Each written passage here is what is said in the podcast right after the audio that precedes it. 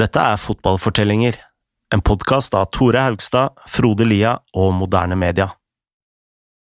Høsten 1928 tar Uruguay en ny båttur fra Montevideo til Europa for å spille OL. De er ute etter å forsvare sin tittel som verdens beste landslag.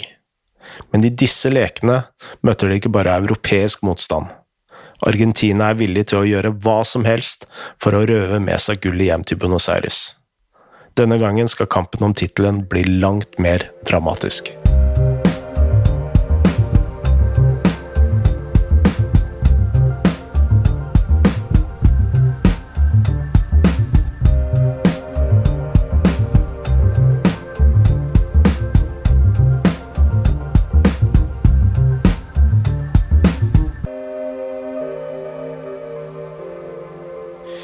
I forrige episode så vi at Argentina utfordret Uruguay til en playoff over to kamper like etter OL i 1924. Dette var for å vise de ferske OL-mesterne hvem som faktisk var best. Ja, disse to kampene bidro virkelig til å øke spenninga mellom disse to landene. Den første kampen ble spilt i Montevideo og endte 1-1. Men eh, det var i returkampen i Buenos Aires at eh, ting begynte å skje. Stemmer. Før kampen hadde 52 000 tilskuere pressa seg inn på stadionet, selv om kapasiteten kun var 40 000. Omtrent så snart kampen var i gang, begynte fansen å invadere banen. Og kampen ble selvfølgelig avlyst etter ja, jeg tror det var fem minutter som hadde gått. En ny kamp ble arrangert noen dager senere. Og denne gangen var det ikke like lett for eh, fansen å løpe inn på gresset. Nei, denne gangen hadde det noen satt opp et høyt gjerde uh, mellom banen og tribunen for å holde fansen på plass. Og Dette er jo noe som fortsatt brukes i, i Argentina. Uh, og Så vidt jeg vet, så tror jeg dette var den første kampen um, hvor um, disse gjerdene ble satt opp for, for å kontrollere fansen. I den kampen gikk argentinerne opp i 2-1. Og et av disse målene skulle bli husket spesielt lenge. Mm. Etter Argentinas mål ble skåra av Cesareo Onsari. Han gjorde noe helt spesielt. Han skrudde ballen i nettet direkte fra en corner. Um, dette var noe ingen hadde sett før på den tida. og Faktisk lurte mange på om det, om det var lov i det hele tatt. Um, Uruguay uh, protesterte til dommeren i håp om at det fantes en eller annen regel som gjorde at dette var ulovlig, men uh, målet sto. Og siden den gangen um, har folk kalt det for uh, El Gol Olympico. Siden det da kom mot de regjerende OL-mesterne Uruguay. Uh, dette er på spansk, da. Uh, jeg tror nesten alle land som, som har spansk som, som hovedmål, fortsatt bruker dette uttrykket. Med 2-1 på resultattavla så Argentina ut til å ro seieren i land. Men dette hadde jo ikke vært Argentina om ting hadde gått fredelig for seg? Nei, definitivt ikke. Visstnok skal stemninga ha vært så amper at uh, hjemmefansen begynte å kaste steiner på uh, José Leandro Andrade, som vi husker var Uruguays store stjerne. Jeg hadde ikke vært særlig happy om noen hadde kasta steiner mot meg mens jeg spilte fotball. Nei, og det var ikke Andrade heller. Og Han kunne ha protestert til dommeren, eller kanskje bare latt saken ligge eller løpe unna. I stedet så kastet han steinene tilbake opp på tribunen. Og da begynte det jo selvfølgelig å regne ned flere objekter fra, fra hjemmefansen. Eh, noe som satte signene i kok hos resten av Uruguay-laget. Politiet kom snart inn på banen. Uh, Uruguays storskårer Hector Scarone sparka til en politibetjent og ble arrestert. Og til slutt måtte dommeren bare avslutte kampen og gi seieren til Argentina. Og dette var vel likevel ikke nok til å gjøre Argentina helt uh, fornøyde. Altså, seieren de hadde uh, tatt var jo en slags uh, farse, ja. og kunne på ingen måte måle seg mot som OL-gullet til Uruguay.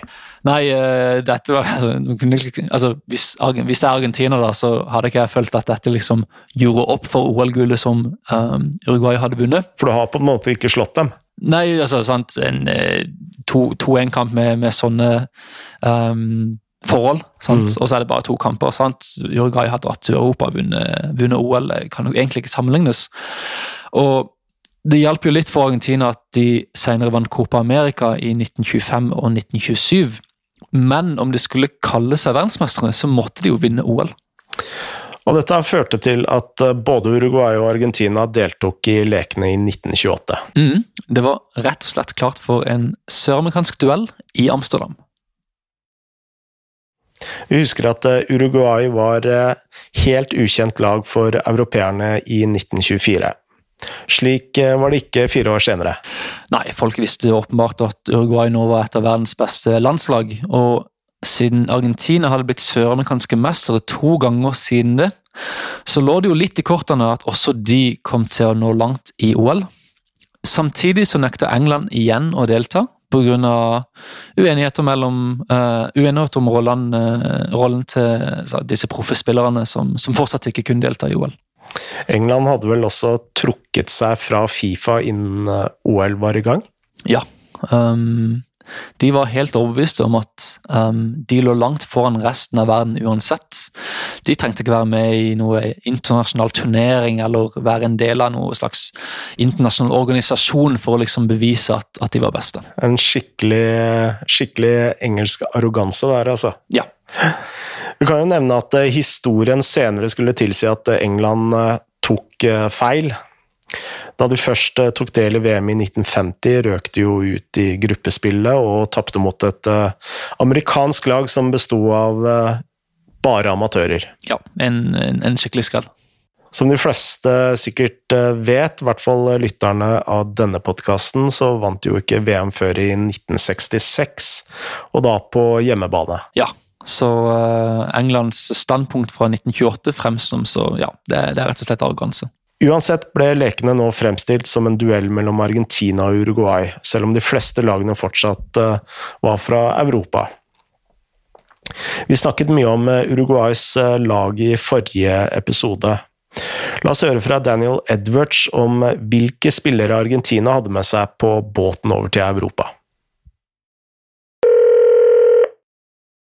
It was an extremely strong Argentina team.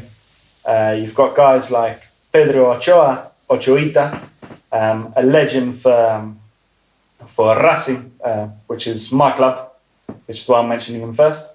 Uh, in their very early days, um, he was part of the the team that won seven straight Argentine Argentine Primera titles in those early days. You got guys like uh, Luis Monti, who went on to play for um, for Argentina as well in the in the 1930 World Cup, and of course he then uh, emigrated um, to Italy and and won it in in 1934 as part of the Italian national team. Um, in that team, uh, Raimundo Orsi was another one, another guy um, who later went to Italy and and won the World Cup with with the Azzurri.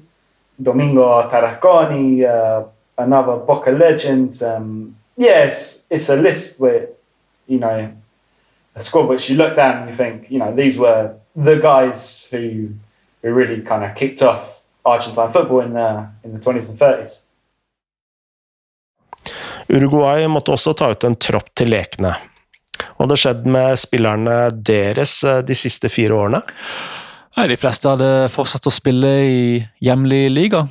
Noen av de hadde dratt på turné med sine lag til Europa.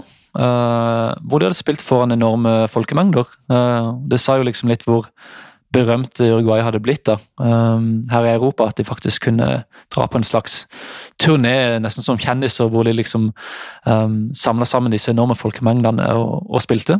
Um, I tillegg så, så, så, gikk Hector Scarone til Barcelona i 1926, og ble da den første fra Uruguay som spilte for et europeisk lag. Dette var vel uh, også en periode hvor Barcelona sto foran mange utfordringer uh, som klubb, og dette snakket vi om uh, i vår første sesong. Ja, det var, både, det var en tid med både farser og um, problemer med Spanias regjering og et selvmord og osv., men uh, det er en historie som hører med til sesong én. Var det store endringer i stallen fra det første OL-et? Vi husker jo Daniel Edwards uh, sa at Uruguay hadde måttet la en rekke stjerner bli hjemme i 1924 pga. den hjemlige ligaen ble delt i to. Ja, rett og slett. Um, jeg så over de to stallene, og det ser ut til at åtte mestere fra 1924 også var med i 1928. Blant disse åtte så har vi noen av de virkelig store stjernene, som Scarone, uh, Andrade, uh, José Nassassi, kapteinen, uh, og ikke minst Pedro Chea, en midtbanespiller som visstnok skal ha ligna litt på Michel Platini. Det finnes en historie om at Andrade egentlig sa nei til å bli med til Amsterdam fordi han ikke fikk betalt for det. OL var jo som kjent eh, kun for amatører, og det var en stor debatt rundt eh, det at eh, så mange proffer måtte bli hjemme. Men idet Andrade sto på kaien i Montevideo og vinket farvel til sine lagkamerater, som det sto skrevet, skal han ha ombestemt seg. Han reiste rett til Rio de Janeiro og hoppa på båten til Amsterdam. Ja, det er en romantisk historie. om den er sann eller ikke, er jo litt vanskelig for oss å si, men uh, det vi kan si med sikkerhet, er at Uruguay stilte mer forberedt til denne turneringa enn noen gang. La oss høre litt mer om forberedelsene fra Alvaro Perez. For 1928, um, one of the big changes was that a lot of it was focused on physical preparation, which had never been the case before, right? So, for example, Uruguay actually sent their food order five months ahead of time, which was considered, even at the time, was baffling. Like, really? Wow. They took this experience from 1924. So they sent what they believed to be a very Uruguayan breakfast because they didn't want to upset the stomachs of the players. The breakfast was, in simple terms, milk, bread, and butter. That's it. So imagine they were micromanaging to such an extent that even months before, right, they're planning their diet, their food, and everything. This was seen, uh, at least in the books that I, I read, um, it was considered a bit ahead of its time. Like, you know, it was a, a, ambitious, let's see the word, ambitious. Um, it had never been done before. Clearly not for the Copa Americas, right, to have that level of preparation. Fotballen i OL det året begynte i slutten av mai, og vi kan vel trygt si at Argentina markerte seg kjapt. De feide USA banen 11-2 i første kamp, og deretter 6-3 eh, mot eh, Belgia. Det betydde at eh, de allerede var klare for semifinalen. Ja, og dette ehm, ble jo klart for resten av Europa at Argentina også var et veldig godt lag. Um, avisen The Mirror skrev at uh, nesten garantert ikke var noen andre lag fra, i hvert fall ikke fra Europa som, som holdt samme kaliber. Det virker som Argentina fikk en eh, ganske enkel vei til eh, semifinalen. Eh, når du ser på Uruguays vei til semifinalen, så kan man ikke si det samme. Nei, på ingen måte. Dette var jo rene utslagsrunder, som i 1924. Og Uruguay de var, hadde ikke heller med seg det hele tatt. De trakk Nederland i første kamp. Dette var jo et land som hadde vært med i OL i, i fotball da, helt siden landslag først ble med i 1908. Og eh, vi husker jo tilbake i 1924. Eh, det var jo Nederland som hadde gitt Uruguay den tøffeste kampen på vei mot gullet. Eh, I semifinalen hadde Nederland ledet i mer enn en time, før Uruguay hadde snudd kampen med to sene mål. Så vidt jeg husker, skåret Uruguay et av de to målene via et tvilsomt straffespark. Ja. Hadde nederlenderne glemt det, tror du? Nei, på ingen måte. Uh, Visstnok skulle Nederland ha hevn nå mot Uruguay, uh, og um, de var jo i tillegg på hjemmebane. Um, så Før kampen da, så satte myndighetene opp ekstra tog over hele landet som liksom skulle ta fansen til kampen. Køen utenfor billettkontoret var så lang at noen måtte sette opp et lite marked ved siden av for å fòre folk. Uh, dette skal ha bydd på smørbrød, øl, fisk, sjokolade og andre delikatesser. Det var 30 000 som så den kampen, med 500 politibetjenter på vakt utenfor eh, stadionet. Uruguay vant 2-0, eh, og det sendte dem videre til kvartfinalen, hvor de møtte Tyskland. Ja, og til nå har vi snakka mye om den attraktive fotballen som Uruguay spilte. Men en annen del av Uruguays identitet, som fortsatt er tydelig i dag, er noe som heter garra charua. Garra charua? Ja, Eh, dette er en kvalitet Så Denne kvaliteten der om å slåss med nebb og klør hvert eneste sekund. Eh, gjerne med litt eh, litt skitne triks da, om, om, nødvendig, så lenge du vinner. Ja, for det oppsummerer jo Uruguay slik vi kjenner det i dag, iallfall. Ja. Veldig godt. Absolutt. Og dette var en kvalitet de trengte mot tyskerne. Ja, Tyskland var både veldig duellsterke og aggressive. Um, de fikk en mann utvist i denne kampen allerede før pause. Og like før slutt så skal de to kapteinene, Nassassi og Rikard Hoffmann, også ha blitt sendt i dusjen. Um, la oss høre fra Alvaro Perez om hva som faktisk skjedde. This is actually known as one of the most violent matches that is ever spoken about, at least in Uruguay. So, and interestingly enough, um, you'll actually be a little bit surprised to know that the Uruguayans were not the aggressors uh, of this match this time. So, what happened was the the match was considered extremely violent, and reportedly, from the sources I've seen, the Germans were just hacking away. They they kind of went into the match with a win at all cost attitude. In fact, actually, one of the delegates compared the Germans to the Argentinians in that match I spoke about before. You know, the the fence match, right? The violent game. They compared the the emotion of that match as as a war, essentially. So the match is finishing, and one of the most extraordinary stories I think I've heard from Uruguay's whole history happens at the end of the match.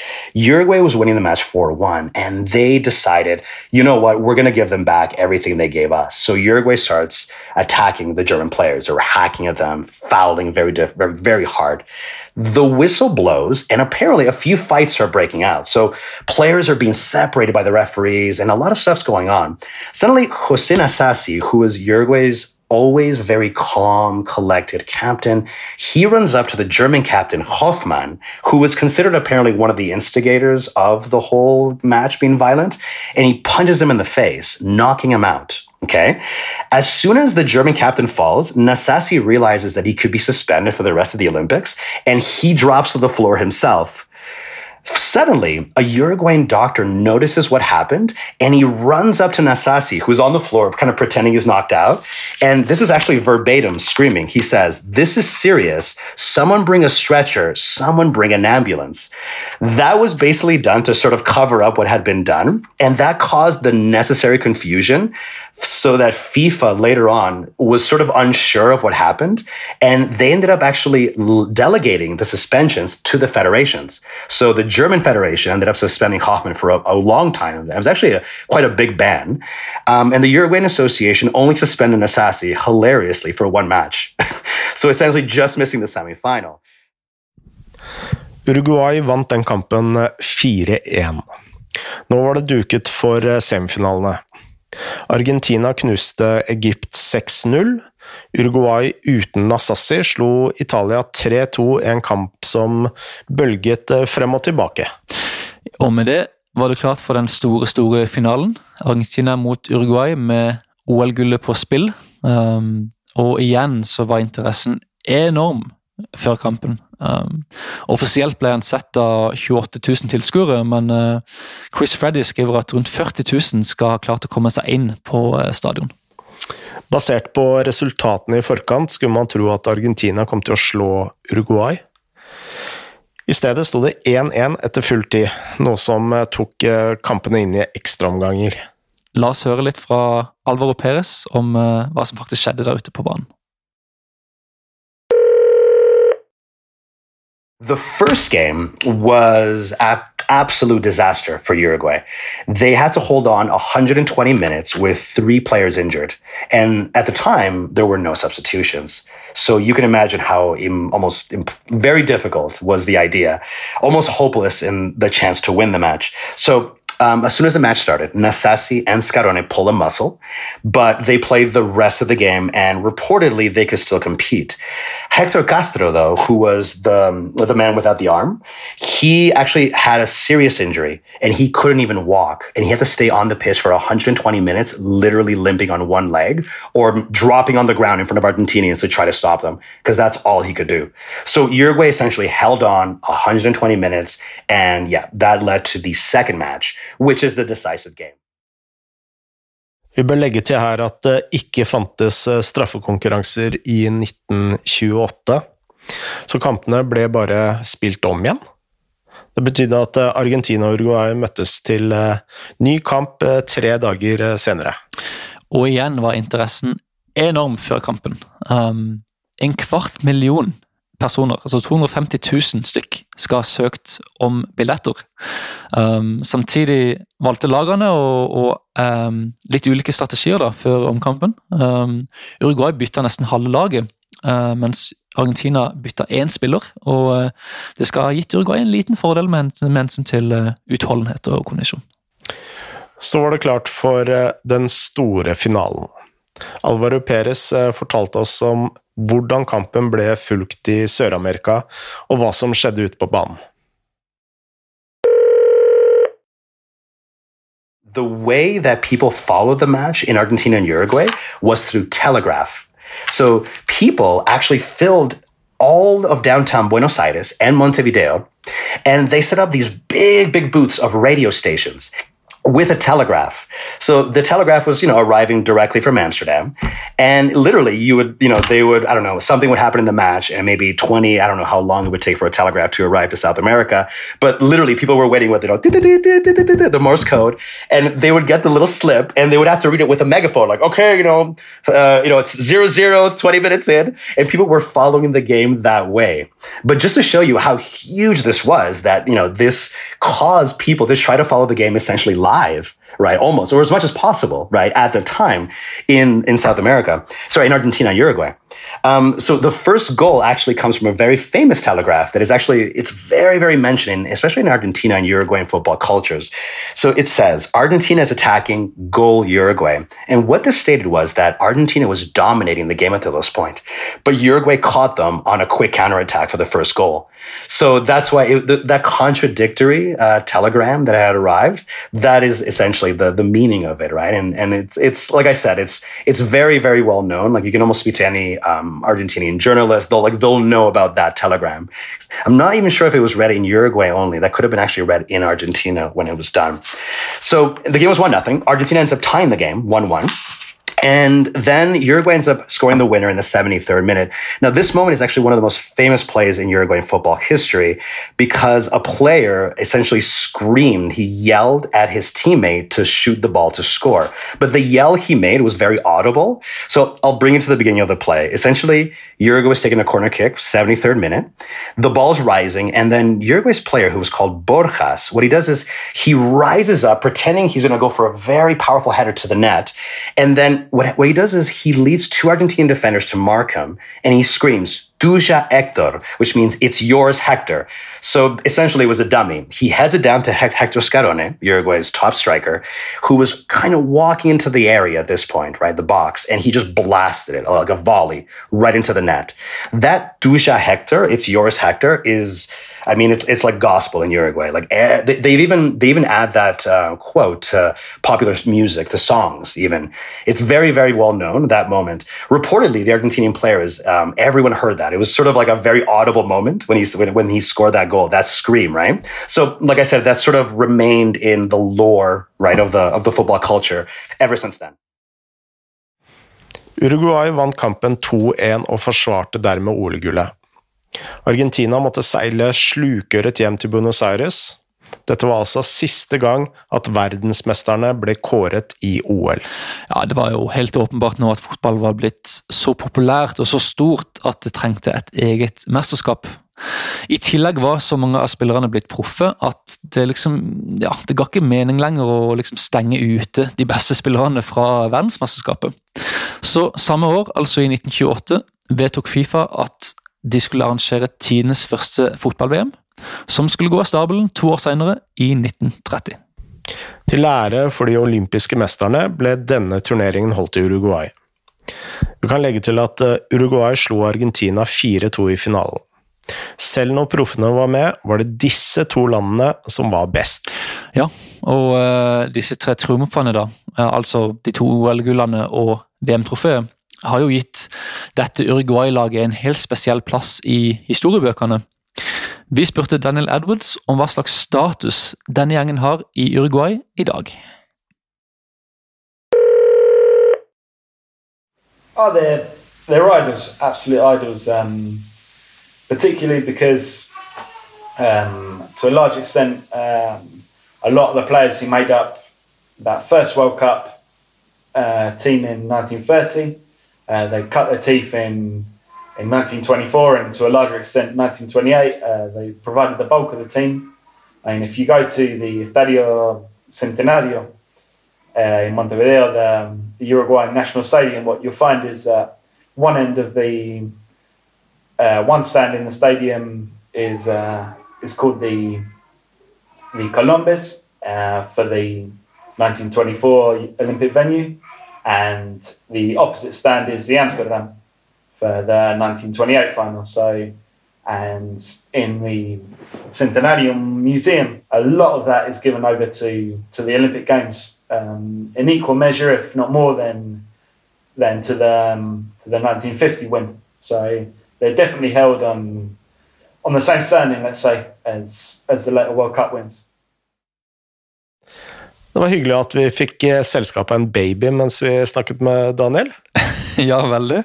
Uh, sønnen hans, Nawel, uh, våkna opp mens vi prata med Daniel, så uh, vi må jo Vi må nesten også takke han for, for solid bidrag. Og med det så er jo vi ved veis ende i denne fortellingen, Tore. Rett og slett. Da må vi jo egentlig bare takke de som har hørt på denne fortellingen. Og vi møtes igjen eh, neste sesong.